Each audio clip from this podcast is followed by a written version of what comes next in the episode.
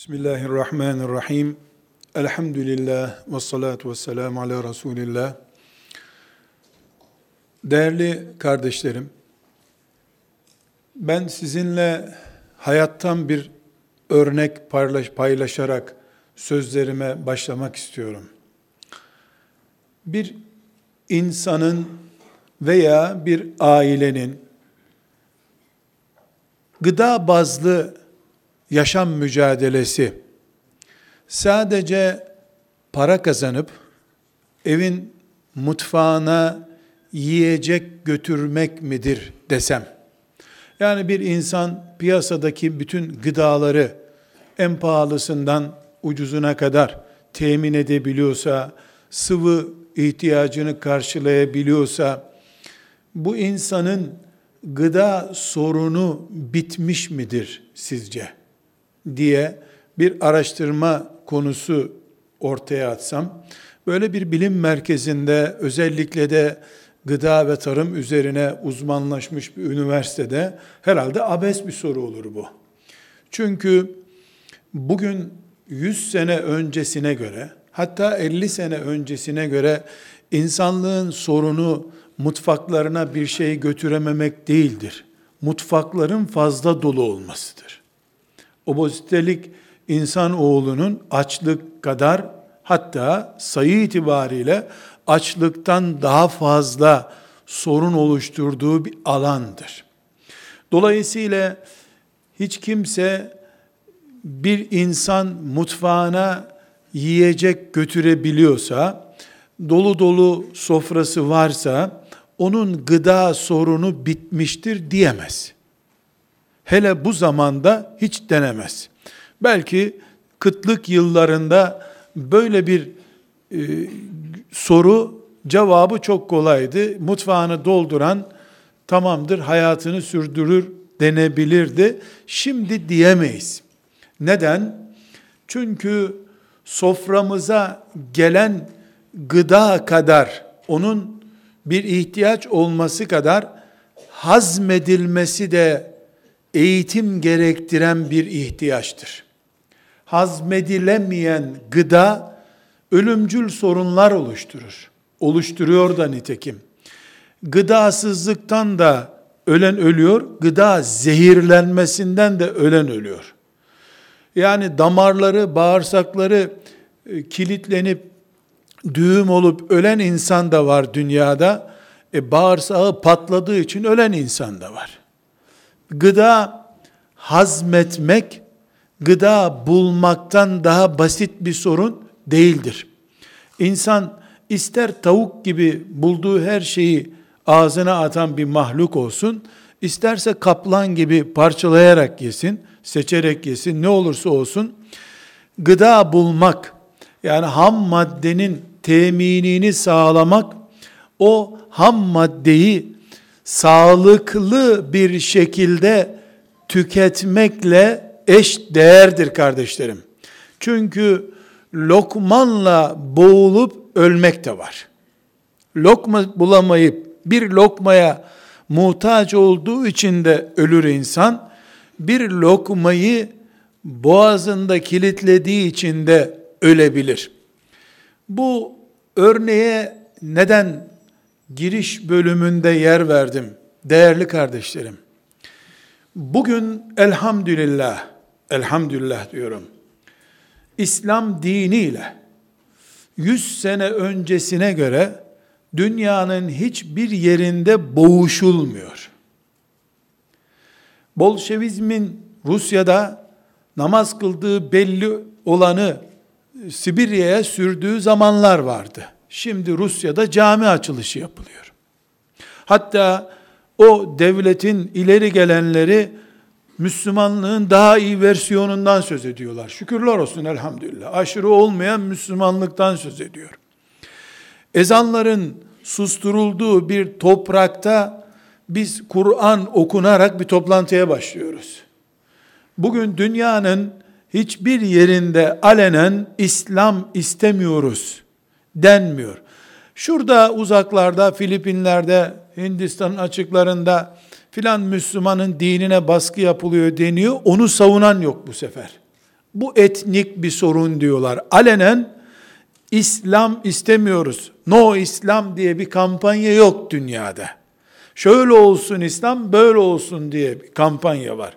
Dolayısıyla güzel kardeşlerim, bir dikkatli noktayı sizinle paylaşmak istiyorum.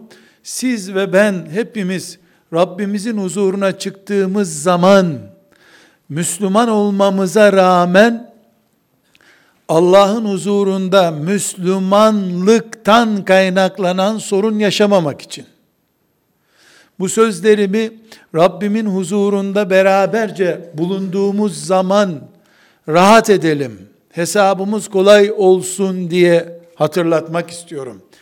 Kardeşlerim, bugün dünyada alenen savaşılan bir İslam yoktur. Ama Müslümanların sorunları bitmiyor. Neden bitmiyor? Çünkü mutfaktaki kıtlık gitmiş, buzdolabımız hatta yetek dondurucularımız gıda ile dolmuştur.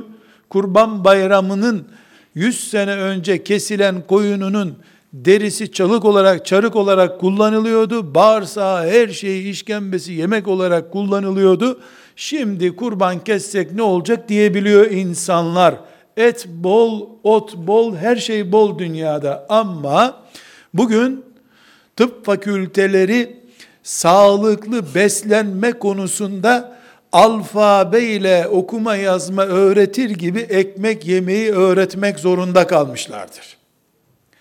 Bir ekmek bir ailede nasıl paylaşılır da herkes açtan ölmekten kurtulur düşündüğümüz yıllardan bu ekmekten nasıl kurtuluruz yıllarına geldik. Fazla yemek başımızın derdi oldu.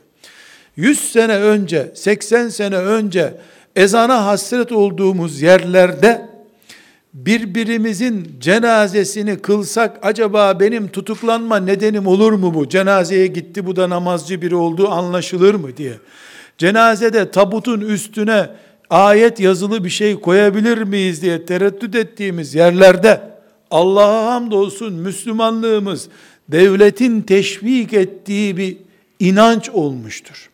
Fakat bir gıda fazlalığı ve o fazlalıktan dolayı göbek bağlayan insanlar ve hastanelerde çok yemek yediği için damarları yağ tutmuş insanlar oluştuğu gibi gıda ile başladık biz örnek vermeye. Hayatın bir parçası olarak gıdadaki 100 sene önceyi ve mevcut durumu değerlendiriyoruz.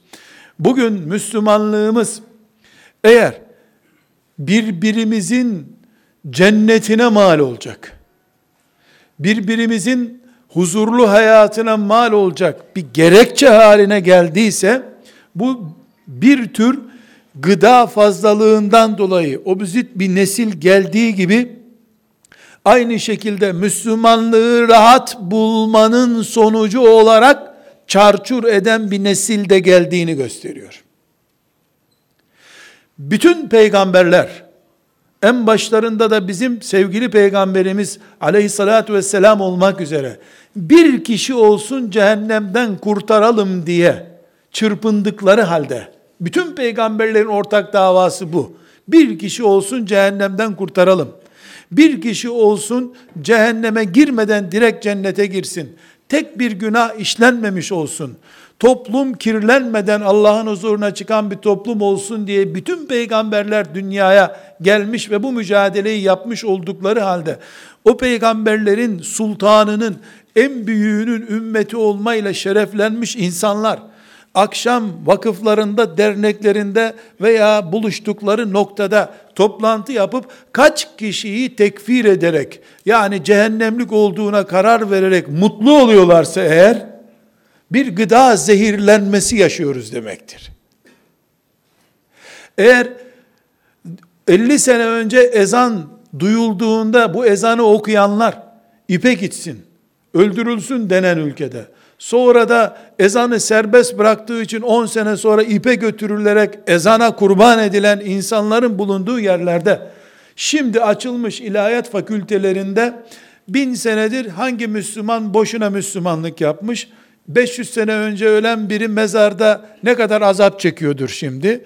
Cennete gireceklerin listesi, girmeyeceklerin listesi adeta yani Allah'ın gizli dosyaları kullarının eline geçmiş gibi sahneler yaşanıyorsa, dünü unutmuş, namazın hiç konuşulmadığı, orucun suç kabul edildiği, hacca insanların ömürlerinde bir defa şehirden iki kişi gönderdiklerinde elhamdülillah onu Kabe'yi ziyaret eder gibi ziyaret ettikleri bir zamanda şimdi insanlar ancak 10 sene kura beklersen gidebiliyorsun kadar Kabe yollarının açıldığı bir dönemde Kabe'ye gitmiş hacıyı cehennemlik kafirdir. O Müslüman değildi oturduğu yerden Kabe'nin İstanbul'dan, Aydın'dan, Ankara'dan, Bağdat'tan veya Moskova'dan oturduğu yerden dijital bir şekilde Kabe'de tavaf eden adamın kafir olduğuna karar veriyor. İse eğer bu noktaya gelinmişse kardeşlerim tıpkı bir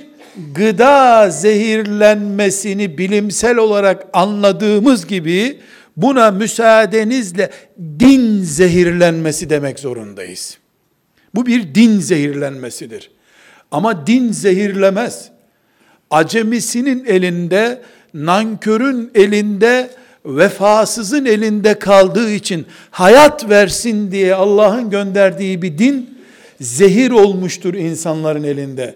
20 yaşına gelmemiş, henüz doğru dürüst bıyık tıraşı bile olmamış gençlerin dedelerinin dini, imanı, cenneti hakkında hüküm vermeleri, ashab-ı kiramın konuşmaya korktuğu konularda önündeki bilgisayardan başka hiçbir varlığı olmayan, ilmin iyisinden haberi olmayan insanların dünyanın geleceği, ahiretin, cehennemin projeleri üzerinde istedikleri gibi konuşmakta sakınca bulmaları, bulmamaları güzel kardeşim din zehirlenmesidir.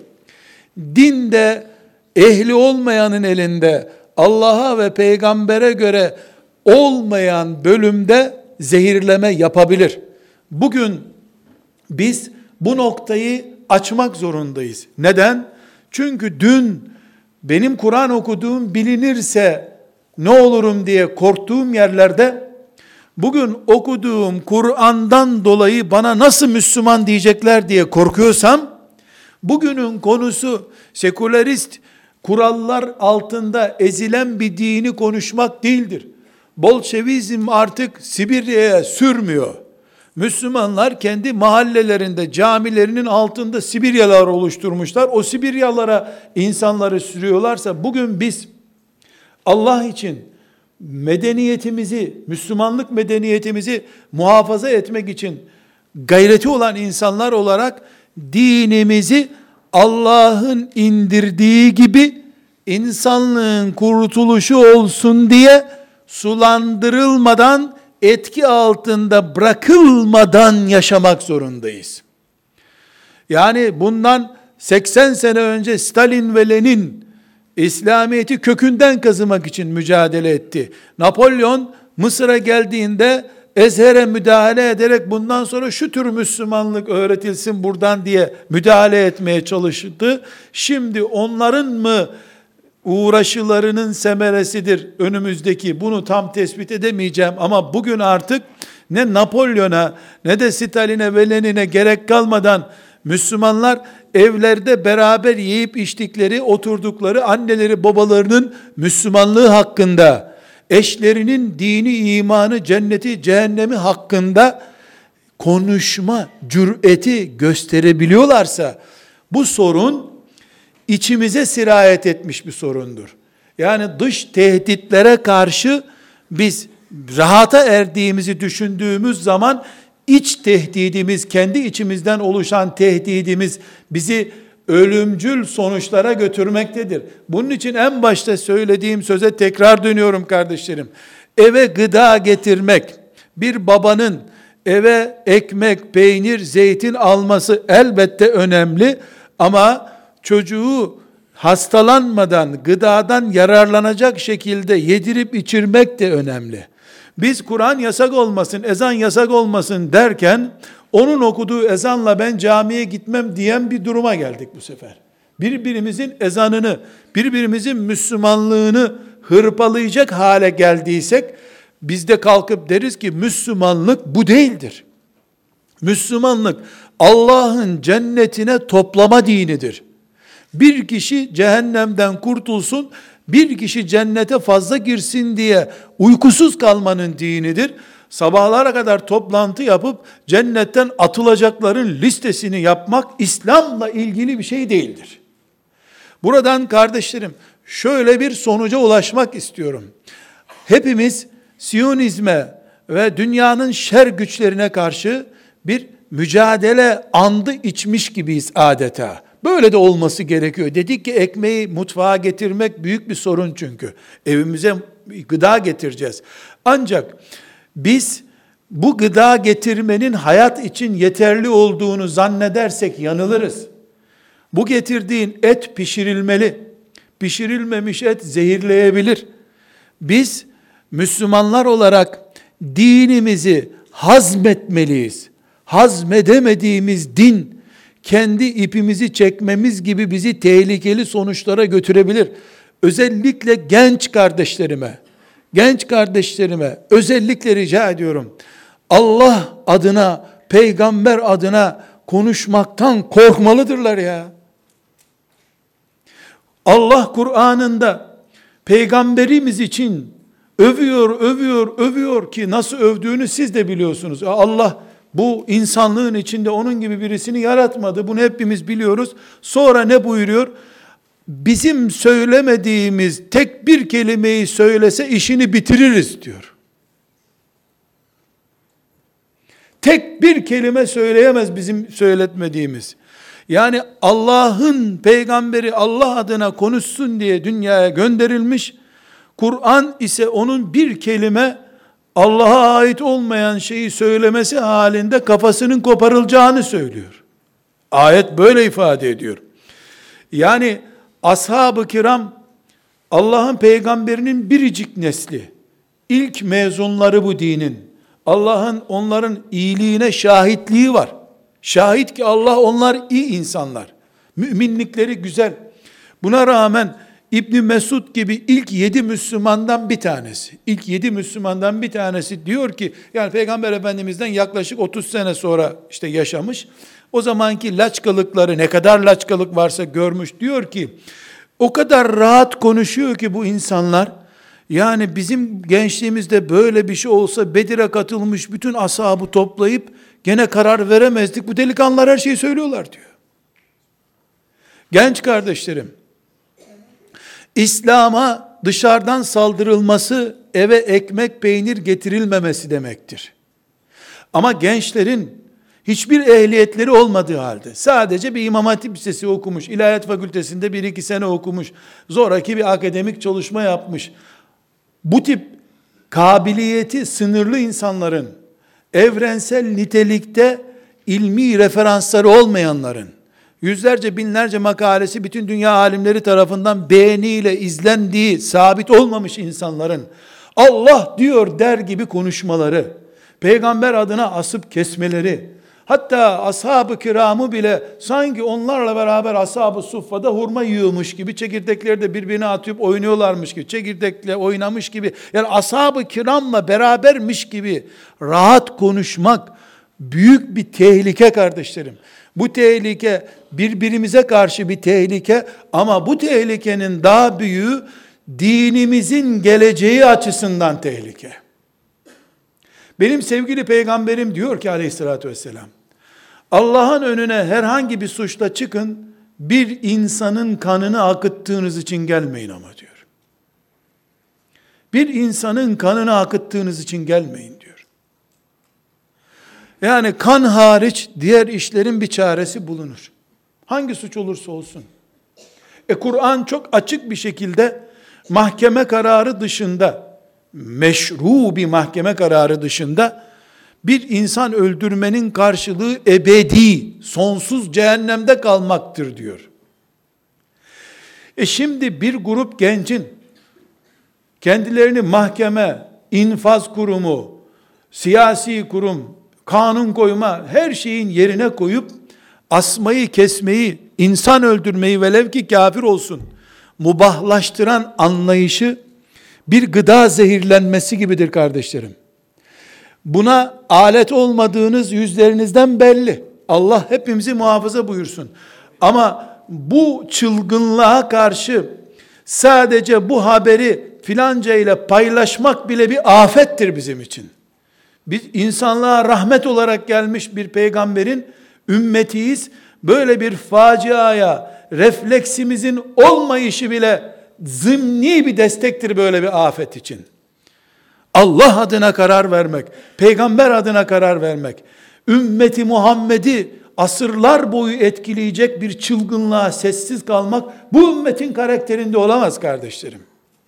Bu ümmet böyle bir ümmet değildir. Filanca şer güçler, filanca bilmem ne ada ülkesi böyle bir örgüt kurmuş da Orta Doğu'da bu örgütü kullanıyormuş. Ona örgüt kurduracak esnekliği gösteren de suçludur o zaman. Böyle bir tepkisiz ümmete filanca şer güç örgüt kurdurup birbirini de kırdırır. Biz Allah'a ve peygamberine iman edenler olarak bu hayatı bir gemi gibi kabul ediyoruz Peygamber Efendimizin ifadesiyle. Geminin hangi güvertesinde olursak olalım biz, geminin neresi delinirse delinsin, gemi delinince boğulacağız. İnsanlıkla ortak yaşıyoruz bu hayatta biz. Günahkarıyla, mümin olmayanıyla, müminiyle, iyimizle, kötümüzle hayatı ortak yaşadığımız bu dünyadaki hayat gemimizi hiçbir şekilde kimseye deldirtemeyiz kardeşlerim. Delinmesine sessiz kalamayız. Dinimizin böyle bir korsanlığa alet edilmesini asla kabul edemeyiz. Ben yatsı namazına camiye mi gideyim yoksa böyle bir şeye tepki gösterilen bir salonda gidip ben Allah adına, peygamber adına, din adına katliam yapılmasına karşıyım diyen bir mitinge mi katılayım diye bir soruyla karşılaşsam cevabım nettir. O mitinge giderim, doyasıya bağırırım, katliam haramdır, insan kanıyla Allah'ın önüne gidilmez, bu suçtur derim, sonra da evde gider yatsı namazımı kılarım. Çünkü ben sensizce yatsı namazını camide kılarken eğer insanlık Müslümanlığı alet ederek birbirinin canına kast eder bir pozisyonda kalıyorsa ben namazımla Allah'ın huzuruna nasıl çıkacağım ki o zaman? Kardeşlerinin kanı rahatça akıtılabilen birbirinin iffeti, onuru hakkında pazarlama yapılabilen insanların medya organlarını birbirlerini yıpratmak için kullanabildikleri bir dünyada emri bil maruf ve nehyanil münkeri yani iyiliğe hız katmayı, kötülüğe de mani olmayı, kötülüğü frenlemeyi Allah'ın Kur'an'ının onlarca kere tekrar ettiği bir emri olarak kabul eden mümin bir nesilim ben. Ben camide namaz kılarken menhiyatın, çirkinliğin medya kanalıyla, sosyal veya faşist hangi medya kanalıyla olursa olsun, insanlığın ravaşta bulmuş bir mağripte dilencinin sadaka bulması gibi eline geçirdiği bir telefonla birbirinin onurunu pazarladığı, insanların haysiyetlerinin ucuza satıldığı bir sistemde Müslümanlığımla sessiz kalamam. Kaldığım zaman bu Müslümanlık bir kadının onuru için cihat ilan etmiş dinin Müslümanlığı olmaz bu bir tanemizin hepimiz kadar değerli olmasını içimize sindiremedik demektir biz. Bunun için kardeşlerim, bugün size burada şu mesajı vermeye çalışıyorum. Elbette İslam Arafat'ta vakfe dinidir. Hac dinidir. Cuma namazını camide kılma dinidir. Sabah namazını camide kılma dinidir. Çocuklarımızı hafız yapmak dinidir. Kadınların tesettürlü olması dinidir. Erkeklerin zekat vermesi. Ya İslam bunlardır. Vallahi billahi bunun kadar da İslam onur dinidir. Onuru olmayan Müslümanın camideki namazı sarı ile olsa ne olur, takkesiz kılsa ne olur? Güzel kardeşlerim, sadece sadece ve sadece örnek olması bakımından şu İslam onur dinidir. İslam onurluların dinidir. Mümin onurludur. Müminin onuruyla oynayan Allah'ın önünde zor hesap verir diye ifade ettiğim bu beyanımı bağırarak, haykırarak sesim kesilinceye kadar söylemeye razı olduğum bu beyanımı size belgeleyeyim mi? Bakınız Allah Kur'an'ı kainatın ölçüsü olarak indirdi. Bir Müslümanın arkasından uzun boyludur, kısa boyludur, tıraşını yanlış olmuş, ceketinin düğmesi kopmuş diye arkasından bir Müslümanın rahatsız olacağı şekilde konuşmayı yani gıybet, gıybet yapmayı kitabımız nasıl tanıtıyor? Çok kötü, çok günah, çok ayıp mı diyor?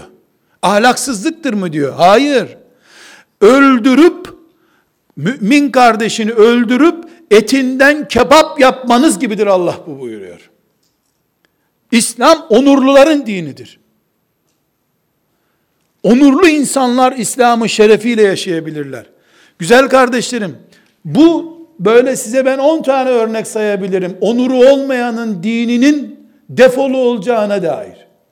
Birbirimizin onurunu korumamız, birbirimizin saygınlığını korumamız, can değil, yaşarken bile onurumuzu korumamız, dinimizi hazmedip etmediğimizin göstergesi olduğunun belgesidir. Bir örnek daha zikredeyim müsaadenizle. Kardeşlerim, adam öldürmenin tövbesi söz konusu olabiliyor. Yalanın, zinanın, hırsızlığın, kumarın, Kur'an'la sabit. Şirk hariç bütün günahların tövbesi var. Allah'ın oğlu var haşa. Allah'ın eşi var. Allah'ın benzeri şudur gibi çirkin putperest toplumların sözlerinin tövbesi yok. Onlardan iman etmedikçe yani geri gelip iman etmedikçe. Fakat kardeşlerim Kur'an'ımız nasıl bir kitaptır? Müslüman nasıl bir mümindir? Nasıl bir insandır? Bunun üzerine onlarca tez hazırlayacağımız kadar bir ipucu size açmak istiyorum. Ondan sonra da Facebook üzerinden, Twitter üzerinden bilip bilmediği belli olmadan şunu paylaşarak bunu paylaşarak insan onurunu zedeleyen, daha 10 yaşındayken binlerce arkadaşının önünde mahcup olacağı görüntülerini birileriyle paylaşan insanların Allah'ın huzuruna hangi zorlukla çıkacaklarına ipucu vermek için söylüyorum. Bakınız, bütün günahlar Allah'a şirk koşmak hariç Allah'ın rahmeti kapısındadır. Sadaka verirsin, ananın duasını alırsın, en ağır günahları da Allah affeder. Ama dikkat ediniz Kur'an-ı Kerim bakın ne yapıyor? Bir kadının iffeti ile ilgili yani kadının kadınlık iffeti ile ilgili çirkin bir kelimeyi kullanan bir Müslüman için Allah ne diyor? Çok dikkat ediniz. Bir kadını öldürüyorsun veya bir erkeği öldürüyorsun. Onun akrabaları, çocukları seni bağışlarsa kurtuluyorsun, diyetini veriyorsun. Ama kadına dokunmadın. Sadece filanca şöyle kadındır deyip onun onurunu beş paralık ettin. Seni mahkemeye verdi, haklı çıktı. Dolayısıyla suçlusun. Bu adam öldürmek değil. Evini yakmadık. Ama Kur'an ne diyor? Onlar tövbe etseler de وَلَا تَقْبَلُوا لَهُمْ شَهَادَةً اَبَدًا Onları bir daha kendi toplumunuzun içinde şahitliği kabul edilir adamlar olarak saymayın bir daha. Silin vatandaşlıklarını Allah buyuruyor. Daha ileri gideyim kardeşlerim. O kadın Facebook'tan sen şöylesin diyen adama hakkını helal etti. Affettim seni dedi. İslam bunu da kabul etmiyor. Neden biliyor musunuz?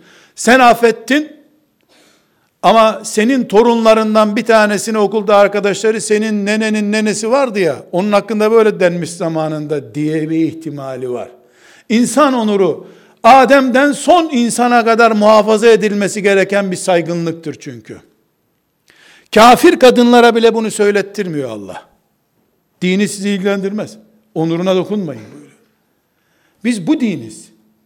Müslümanlık böyle bir din kardeşlerim. Dolayısıyla abdestin, guslün, şartları, farzları olduğu gibi, namazı biz ancak ilmuhal kitaplarının tarif ettiği şekilde kılarsak namaz olacağı gibi, bizim bir internet ahlakımız da olması lazım. Biz namazı, abdesti Allah'tan, peygamberinden, İmam-ı Azam'dan öğreneceğiz de bizi abdesti, namazı bin kere katlayacak kadar hayatımızı kuşatan interneti kimden öğreneceğiz? bu teknoloji Bağdat'ta üretilmedi, New York'ta üretildi diye bunda İmam-ı Azam'ın ahlak kuralları olmayacak mı? Ahlakamıza uygunluğu illa Medine'de üretilince mi? Yani illa hurma yerken mi sünnete uygun yeniyor? Medine'de üretildiği için. O zaman şeftaliyi sol elle yiyebiliriz. Medine'de şeftali üretilmiyor çünkü. Ahlak sadece Medine'de mi geçerli? Mekke'de mi geçerli? Biz Müslümansak bizim hayatımızın her ayrıntısı Allah'ın dinine, peygamberin sünnetine ve bu ümmetin geçmiş ahlak e, rezervine göre kullanılması gereken biz ümmeti Muhammed olarak gurur duyarak her şeye ümmetimizin standartını koyarak yaşamamız gerekmiyor mu bizim? Bunun için kardeşlerim tekrar ve tekrar defalarca vurguluyorum. Gıda zehirlenmesi gibi bir din zehirlenmesi yaşayabiliriz. Bunu da fark ederek veya etmeyerek bu ümmetin başında sarığı bulunan, sakalı bulunan, resmi görevi veya gayri resmi görevi bulunan hocalarımız bunun ipini çekebilirler. Başını onlar çekebilirler. Hiç önemli değil. Filan ilahiyat fakültesi, filan görevli de bunu yapmış olabilir. Bu ümmetin genel olarak bu ümmetin karakterini zorlayan, bu ümmetin şahsiyetini, bu ümmetin varlığını rencide eden hiçbir hareketi tasvip edemeyiz. Sessiz kalamayız.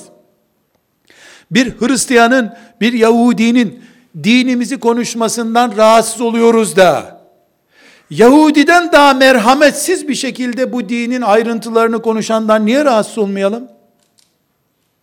Yani filanca Yahudi filan ateist konuşuyor. Nesinden rahatsız oluyoruz? Ya fakihler şöyle yapmış, İmam-ı Azam böyleymiş diyor. E konuşsun adam. Ya dinime zarar veriyor.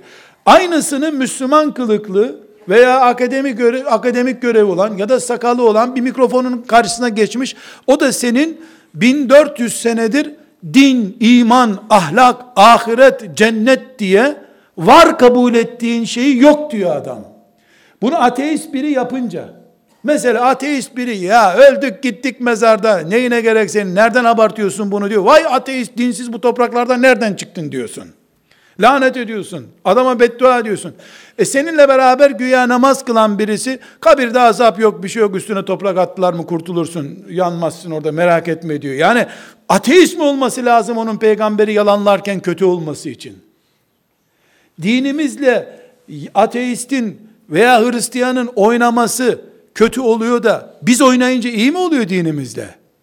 Kardeşlerim tıpkı gıda gibi artık kütüphanelerimizde yasak kitap yok. Kur'an'ı herkes okuyabiliyor. Biz Kur'an konusunda Peygamber aleyhisselam efendimiz konusunda rahatlığın üstüne çıktık. Rahatlığı rahata çevirdik biz. Artık böyle bir sorunumuz yok ama bilgi zehirlenmesi, din adına din zehirlemesi yapılabiliyor. Bu sebeple hepimiz, hocamız, hacımız, gencimiz, ihtiyarımız, kadınımız, erkeğimiz, din bizimdir. Bu din diyanetin dini değil. Bu din hocaların dini değil. Kim cennete girmek istiyorsa din onundur. Başkalarının gireceği cenneti konuşmuyoruz ki bizim girmek istediğimiz cenneti konuşuyoruz biz. O zaman bu din benim. Çünkü cennetin tek referansı bu dindir. Dolayısıyla dinimizi biz bir, bugüne kadar bütün sapma ihtimallarına rağmen, bütün yanlışlıkların vuku ol, bulmasına ihtimal vermemize rağmen, bu ümmetin bugüne kadar dinini getiren, İmam-ı Azam'ından, İmam Şafii'nden, Abdülkadir Ceylanisi'ne kadar bu ümmetin büyükleri tartışma konumuz değildir. Çünkü ümmetimizin bizden önceki büyükleri bir genetik yapı olarak dini bize taşıyanlar A, B, C türünden hatalar yapmışlardır. Mümkündür insanlar, peygamber değiller ama hainlik yapmamışlardır. Dine ilave getirmemişlerdir. Sanki bir casus örgütü yakalanmış gibi 1400 sene önceden beri dine hizmet için geceyi gündüzleştirmiş insanlar bir casus örgütü değerlendirilir gibi değerlendirilirse bu bizim vefasızlığımızı gösterir.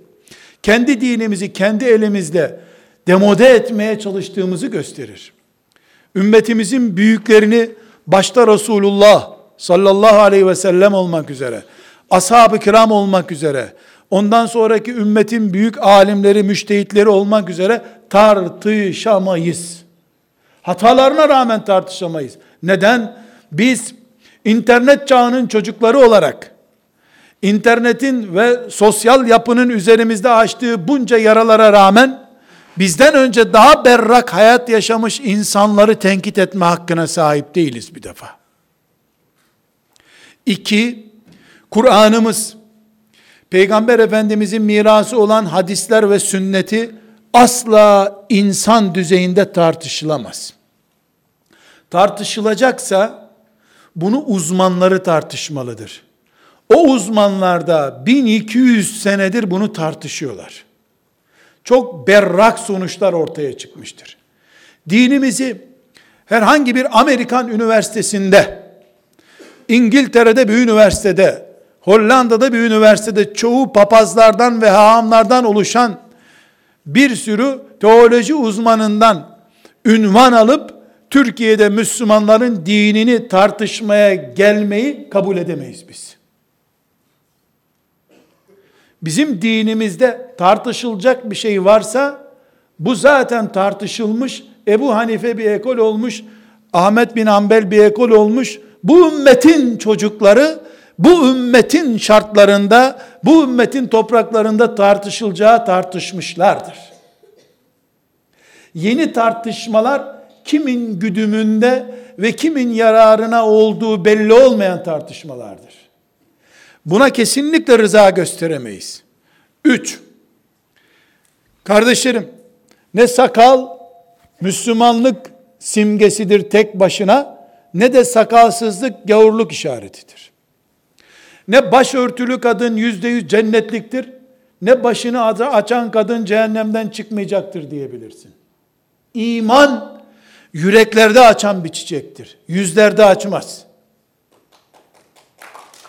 İman masalarımıza konamaz.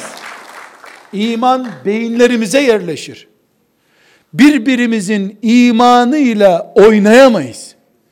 Birbirimize cennet sertifikası dağıtamayız. Bunu yaptığımız zaman orta çağda Avrupa'da din namına, Allah namına cennet tapusu dağıtan sahte papazların durumuna düşeriz. Onu sadece papazlar yapıyordu. Şimdi elinde internet olan, cep telefonu olan herkes yapıyor bu sefer. Cennet Allah'ındır. Kullar da Allah'ındır. Biz de kullardan bir kuluz. Benim gireceğim belli olmayan bir cennete kimi götüreyim ben ya? Benim biletimin çekini yapılmamış. Sen nereye geliyorsun benimle? Birbirimizi cehenneme atarak mutlu oldukça Müslümanlığımız çok kötü bir Müslümanlıktır. Kardeşlerim, bundan önceki fakihler, yüz göstergeden sadece bir tanesi Müslüman olduğunu gösteriyorsa bir insanın ona kafir diyemeyiz demişlerdir. Şimdi yüz göstergeden bir tanesi mesela sakalı yok adamın, gerisi mükemmel Müslüman ne olursa olsun. Ya sen kömür ocağı işletiyorsun da kömür mü topluyorsun ocağın için sen ya? Birbirimizi cehenneme sevk edemeyiz. Bunu yapmaya sessiz kalamayız. Kaldı ki topluca imha edilmek için üzerinde onlarca planlar uygulanan bir ümmet haline geldik. Şöyle keyfimiz yerinde akşam camide oturup bir çay içecek halimiz de yok. Bu kadar dar boğaz edilmişiz linç edilmeye çalışılıyoruz ümmet olarak. Coğrafyamızın rengini artık kırmızı renkle, kan rengiyle göstermeye çalışıyorlar. Bu kadar bariz, elle tutulur risk varken neden biz birbirimizle uğraşalım? Bir insan çok ağır bir trafik kazasından sonra hastaneye götürülünce doktorlar bu iki üç gün sonra ölür nasıl olsa boşuna koltuk meşgul etmeyin burada mı diyorlar.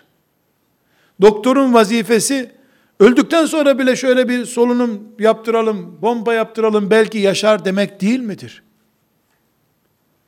Ben kafir oldum diye maazallah e, ilan eden birisine bile bizim ne olursun etme dememiz gerekirken ya ben Müslümanım ama senin mezhebinden değilim, senin ekolünden değilim, senin hocanı dinlemiyorum diyen birisine nasıl biz dışlama yaparız? Kabe'nin anahtarları bize mi kaldı ecdadımızdan? Bu kardeşlerim, Siyonizm tehlikesini ikiye katlamış bir tehlike olarak yıkıyor bizi. Bilhassa genç kardeşlerim, bu işe daha fazla dadanıyorlar. Zevk veriyor çünkü. Senin takımının golü offside'dı der gibi kıldığın namaz boştandı diyor. Ya futbol yorumu mu yapıyorsun? İbadeti nasıl yorumlarsın sen? Yanlış gördüğünü söyle, işine bak. Elbette yanlışımızı söyleriz. Sessiz kalmayız. Ama sessizliğimiz ezmek için değil, düzeltmek içindir. İkaz edersin, gerisini Allah'a salarsın. Daha iyisini biliyorsan daha iyisini sen yap zaten. Kardeşlerim, yıllarca bu ülkede hoca efendiler televizyon haramdır, evine sokanın şöyledir demek zorunda kalmışlardı. Halbuki televizyon haram olmaz. Gazete haram olmaz. Allah'a isyan ettiren her şey haram olur.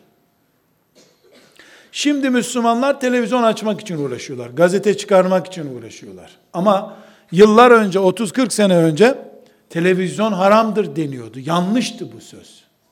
Televizyon haram için kullanılıyordu. Haram değildi televizyon. Şimdi biz internet suçtur, günahtır desek çağ dışı ve din dışı bir şey söylemiş oluruz. Cep telefonu olanın namazı olmaz. Çok resim var cep telefonunda. Kim söylüyor bunu ya? Hayatın bir parçası haline gelmiş. Ama şunu söylemek zorundayız. Kıyamet günü internet bizi savunmayacak. Ve cep telefonlarımızı da götüremeyeceğiz. Mahşerde hatıra fotoğrafı çektirmek yok. Çekilmiş pozlarımızı seyredeceğiz orada. Onun için güzel kardeşlerim, kesinlikle teknolojiyle savaşmaya gerek yok diyoruz. Ama biz teknolojiye köle olacak kadar da basit bir ümmet değiliz. Biz Orta Doğu'da bir kabile değiliz. Filan yıllar için gelmiş bir peygamberin ümmeti değiliz biz. Biz ümmeti Muhammediz. Farklıyız. Biz cep telefonu kullanırız. Telefon bizi kullanamaz. Öyle bir ümmetiz biz. Ölçüsüz, sınırsız telefon hattımız olabilir. Kullanımımız olamaz. Sınırsız hattımız olsun ama sınırsız kullanmayalım. Telefon annemle babamla ilişkimi zayıflatmasın. Telefon kardeşlerime karşı beni lauballeştirmesin. Telefon ilmi çalışmalarımı engellemesin. Telefon benim üzerimde konuşulmasını hoşlanmayacağım şeyi başkalarının üzerinde görmem ve konuşmama sebep olmasın. Benim internet ağında dolaşan çirkin bir görüntüme ne kadar bakabileceksem zevk alarak, öbür insanınkine de o kadar bakabilmeliyim. Ezan okunurken benim telefonum kapalı olmalı.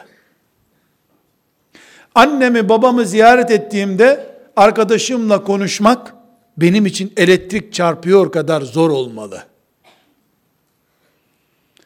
Şu kadar bir zar, zor zaman ayırmışsın annene, onu da elindeki tık tık tık tık tık makineyle geçiriyorsun. Bu bir kabalık. Müslümanın yapmayacağı bir kabalıktır bu. Bunun ötesinde herkes için kabalık olan camide telefonun çalmasın bunu söylemeye gerek görmüyorum. Telefonu da konuşmuyorum kardeşlerim. Telefon çoluk çocuğun elinde herkesin muskası gibi olduğu için telefondan örnek veriyorum. Teknolojiye bile ümmeti Muhammed standardı getirmemiz gerektiğini söylemeye çalışıyorum. Kardeşlerim, sözlerimi sizler için tekrar toparlıyorum. Gıda bulmak önemli bir görev bizim için. Ama bulduğumuz gıda damarımızı tıkatmamalı. Midemizde zehir olmamalı. kolesterol yapmamalı. Bizim için tansiyon yükseltici olmamalı. Aynı şekilde Allah'ı ve peygamberi, Kur'an'ı, peygamberin sünnetini aleyhissalatü vesselam din olarak aldık. Allah'a imanımız, peygamber aleyhisselamla bağımız, mümin kardeşlerimizi ezmemize, din üzerinden ticaret yapmamıza, dini kullanıp zevklerimizi, ihtirasımızı tatmin etmemize neden olur da, din yüzünden cehenneme girersek, bu din zehirlenmesidir diyorum.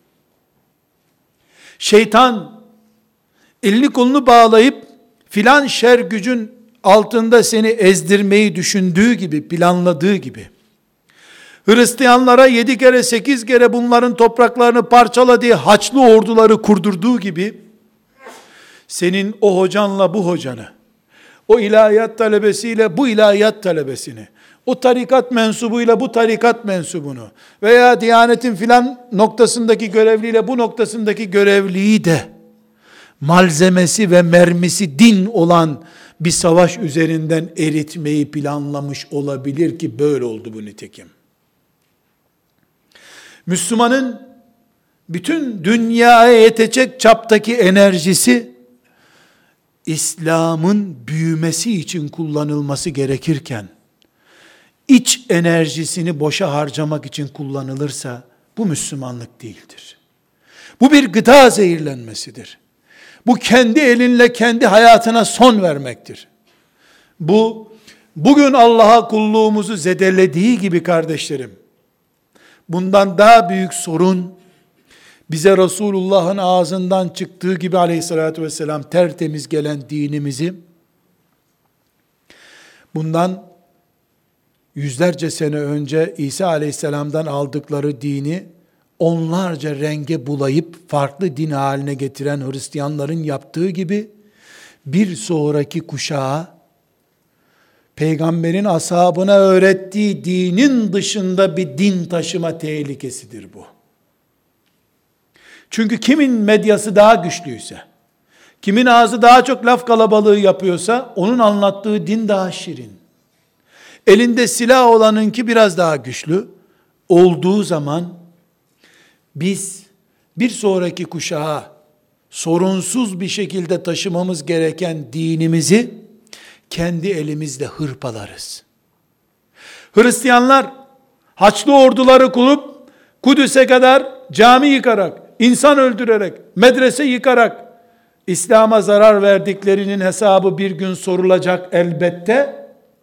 Bugün aynı evde, aynı namazı kıldıkları halde birbirlerine Müslüman gözüyle bakmayan, birbir onun tarikatına, bunun vakfına, bunun şusuna, busuna yabancı gözüyle bakanlar da mini haçlı orduları olarak dirilebilirler kıyamet günü. Tehlikenin bu boyutuna yani kendi nefesimizi kısma boyutuna neden dikkat çekmeyelim ki biz? Bu bile bile nefes borumuzla uğraşmaktır. Size bir mümin kardeşiniz olarak tavsiyem, ricam, yalvarışım olur ki sakın Müslümanla uğraşarak Allah'ı razı edeceğinizi zannetmeyesiniz kardeşlerim. Maşallah ne Müslüman be kaç Müslümana küfür etmiş. Böyle mi diyeceğiz kıyamet günü? Sayende kaç kişinin cehennemlik olduğuna noter kararı verildi. En iyi Müslüman sensin. Böyle mi denecek? Bilal'i kölelikten kurtaran, filanca insanın Müslüman olmasına sebep olan Ebu Bekir radıyallahu anh'ın geldiği cennete sen, yüzlerce kişinin cehennemlik olmasına karar veren bir yargıç olarak mı geleceksin? Tabii ki kardeşlerim, içinizden diyeceksiniz ki, e ben öyle bir tarikatın, vakfın başı değilim zaten, herhalde başkasına söylüyorsun. Hayır, hayır. Size söylüyorum, onlar zaten söz dinlemiyorlar ki. O ateşin kendisi zaten sönmek ve söndürmekten anlamıyor. Ben Ramazan günü Kabe'de dua yapılırken, hac zamanı Arafat'ta vakfa yapılırken, e ben de ümmeti Muhammed'denim de, E oradaki dualar bize de geliyor elhamdülillah. Diye kim seviniyorsa ümmetim içinden bu yarayı alırken sen niye üzülmeyesin diye sana söylüyorum genç kardeşim. Dağıtmak ve parçalamak üzerine din olur mu? Zaten insanlık parça parçaydı. Niye Allah peygamberler gönderdi ki o zaman? Defoluları, arızalıları kim hangi karaktere göre tespit etmiş ki? Onun imanının arızasını kim kime göre tespit etmiş? Peygamber aleyhisselam Efendimiz, Allah'ın sırdaşı, Cebrail aleyhisselamın kulağı gibi. Her gelen bilgi ona geliyor. Buna rağmen onun ölüm komplolarını planlayan münafıkları bile deşifre etmemiş. Vefat edip bu dünyadan gittiğinde münafıkların listesini bilmiyordu insanlar. Onu Uhud'da yalnız bıraktılar. Seni Medine'den süreceğiz dediler. Öldürme planları yaptılar. Yahudilerle işbirliği yapıp zehirlemeye teşebbüs ettiler. Ailesine hakaret ettiler. Hanımına büyük iftiralar yaptılar. O onların isimlerini deşifre etmedi. Allah ve kendisi arasında sır olarak bıraktı. Biz hataları konuşuruz. Yanlışları düzeltmek için mücadele ederiz. Şahıs yıpratmayız. Bu ümmetin kaybedilebilecek tek bir çocuğu da yoktur. Nerede kaldı ki 30 sene 40 sene Müslüman olarak yaşayabilmiş bir insanı kaybedebilelim. Kardeşlerim bir insanı cehenneme atmış olmayı başarı olarak göremeyiz. Bir insanı cennete götürmeye sebep olmayı başarı olarak görürüz. Müslümanlık budur. Bütün alemlere rahmet olarak gelmiş bir peygamberin ümmeti olmayı bunu gerektiriyor. Büyük bir bela başımıza gelmiştir. Anlayan anlamayan, dili olan, telefonu olan, mikrofonla konuşan, mikrofonsuz konuşan herkes İslam'ın ayıplarını, Müslümanların ayıplarını konuşuyor. Geliniz bu salondaki mümin kardeşlerim olarak bunları oryantalistlere bırakalım. Müslümanların ayıplarını konuşmayı Müslüman olmayanlara bırakalım. Ahlaksızlığı onlar konuşsunlar. Zaten o, o çöplüğün gülleri onlar. Biz birbirimizin hayrı için çalışalım. Birbirimizin cennetlik olması için çalışalım. Ahlakın yayılması için çalışalım. Kur'an'a kulak verelim. Allah toplumu berbat eden kötülükleri bile ulu orta konuşmayın reklamı olmasın diyor. Filanca müminin hatası üzerine briefing veriyorsun, o hatanın reklamını yapıyorsun. Kur'an sana sus diyor, sen daha çok bağırıyorsun. Müslümanlık, Müslümanlık sonsuz bir umutla Allah'a gitmenin dinidir. Umut, umudumuzu kısma hakkımız Müslümanlıkla ve Allah'ın diniyle oynama cüretidir. Hatasız kulu yok Allah'ın. Bir peygamberi vardı o da içimizde değil. Hepimiz Allah'ın kullarıyız. Hata edebiliriz. Hatalarla mücadele ederiz. Hatalıların hesabını Allah'a bırakarız. Hesap görmek bizim hakkımız değil. Güzel kardeşlerim, bu konuşmanın muhatapları olarak sizler, kardeşiniz olarak ben, Rabbimden hepimiz namına diliyorum ki şu güzel dinimizi, kafirin önünde komplekse kapılmadan, kafirin, küfrün, şerrin karşısında mümin onuruyla, Ömer bin Hattab yüreğiyle yaşayalım. Kur'an'ın buyurduğu gibi birbirimize karşı kanatlarını indirmiş, boynu bükük kardeşler olarak yaşayalım. Kafirin önünde ceket düğmeleyip müminin önünde gömleğinin düğmesini bile açan tip Resulullah sallallahu aleyhi ve sellemin yetiştirdiği ashab-ı kiramın tipi değildir. O kozmopolit kimliğiyle o yapmacık tavırlarıyla tamir görmesi gereken arızalı bir tiptir. Mümine karşı merhametli, kafire karşı onurlu ve dik duran insanlarız. Allah bu yapımızı bir sonraki kuşağa arızasız bir şekilde devretmeyi hepimiz için kolay kılsın. Sizlere teşekkür ediyorum. Allah'a emanet ediyorum. Selamünaleyküm.